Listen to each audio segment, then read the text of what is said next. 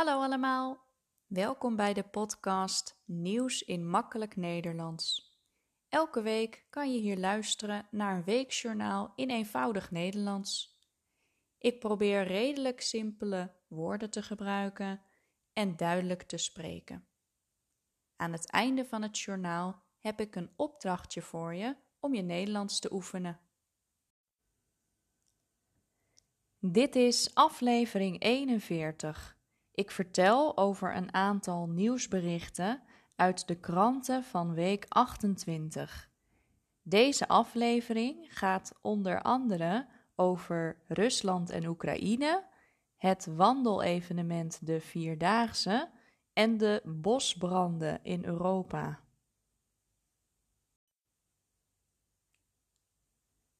Rusland stuurt meer militairen en materieel naar Zuid-Oekraïne.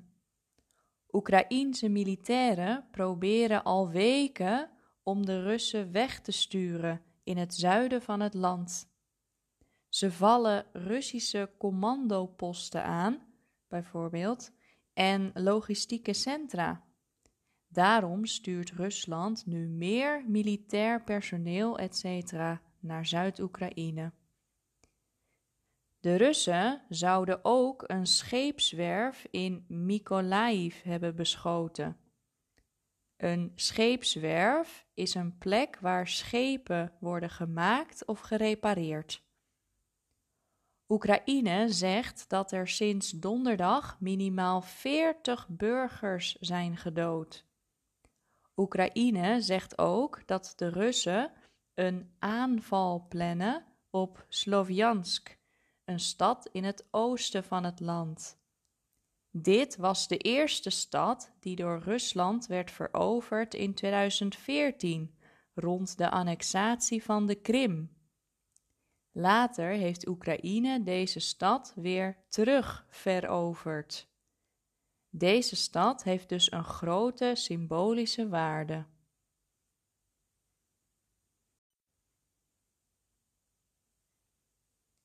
De Nederlandse voetbalvrouwen gaan naar de kwartfinale. Ze hebben alle groepswedstrijden gespeeld en staan op plek 2. Dat betekent dat ze door mogen naar de volgende ronde.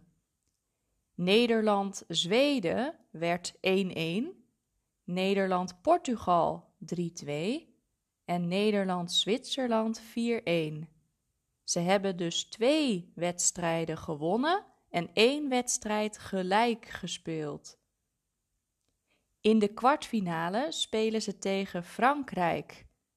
De wedstrijd is op zaterdag 23 juli om 9 uur 's avonds. Het wordt een spannende wedstrijd, want Frankrijk is de titelfavoriet.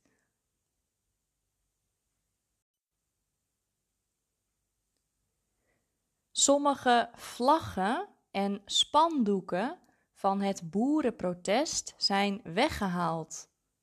Al een paar weken protesteren boeren tegen de nieuwe plannen van het kabinet.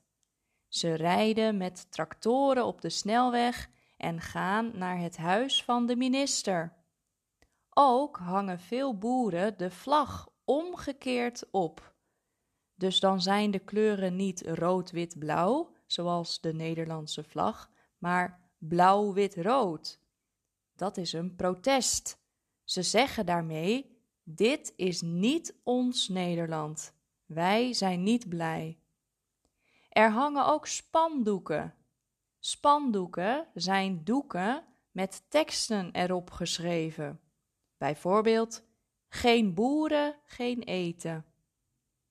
Maar Rijkswaterstaat vindt het niet veilig dat die vlaggen en spandoeken overal hangen. Rijkswaterstaat is een organisatie van het ministerie van Infrastructuur. Ze zeggen dat de vlaggen ongelukken kunnen veroorzaken. Want als je in de auto zit en je ziet zo'n vlag of spandoek, dan wil je die even goed gaan bekijken. Je kijkt naar boven om de tekst te lezen en dan let je niet op de weg. Daarom heeft Rijkswaterstaat de vlaggen en spandoeken op snelwegen weggehaald. Op provinciale wegen en wegen van de gemeente blijven ze hangen. De provincies en gemeenten moeten zelf bepalen wat ze ermee doen: weghalen of laten hangen.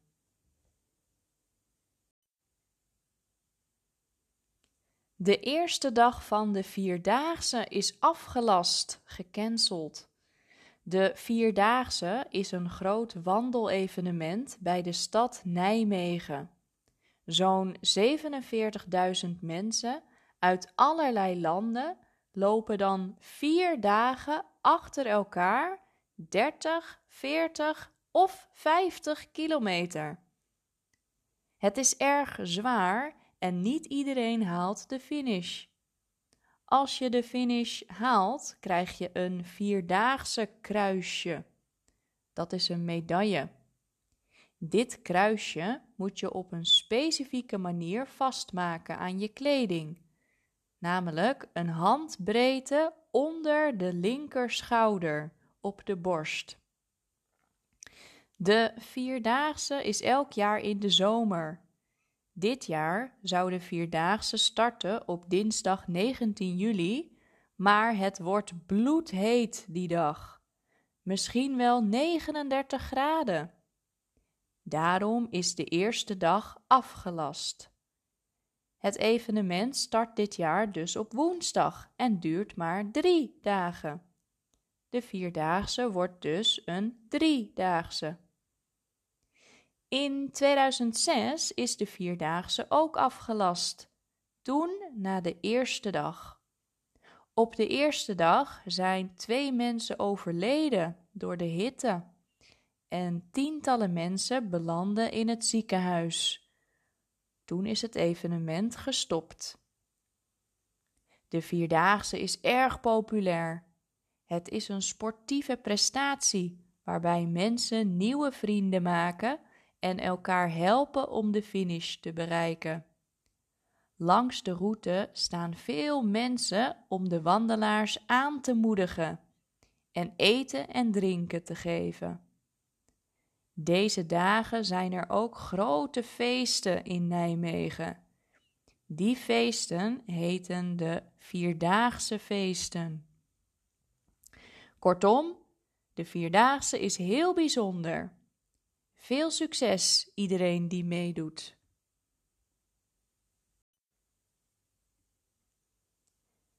Het is niet alleen in Nederland erg warm. Ook in Zuid-Europa is het heet, soms wel boven de 40 graden. Er zijn veel bosbranden. Bijvoorbeeld in Spanje, Zuid-Frankrijk en Portugal. De brandweer probeert de branden te blussen, onder andere met blushelikopters. Maar het is moeilijk, want het is droog, heet en er staat een harde wind. Veel mensen zijn geëvacueerd omdat het vuur naar hun huizen toe kwam. Ook vakantiegangers zijn geëvacueerd. Zo moesten sommige campinggasten snel vertrekken naar een opvanglocatie of een andere camping. Sommige huizen en restaurants zijn verwoest. Verwoest betekent helemaal kapot gemaakt. Andere mensen proberen hun huis te redden door het nat te maken met water. Ook in Oost-Europa zijn er bosbranden bijvoorbeeld in Hongarije en Kroatië. En dan nu het opdrachtje van deze week om je Nederlands te oefenen. De komende dagen wordt het erg warm. Zoek op Nederlandse websites naar tips tegen de warmte. Schrijf deze op in een boekje in je eigen woorden. Welke tip vind jij het beste? Waarom? Heb je nog andere tips om cool te blijven? Noteer het. Dat was het voor deze week. Wil je de tekst ontvangen van deze aflevering? Stuur dan een mailtje naar nieuwsinmakkelijknederlands@hotmail.com. Bedankt voor het luisteren en tot volgende week.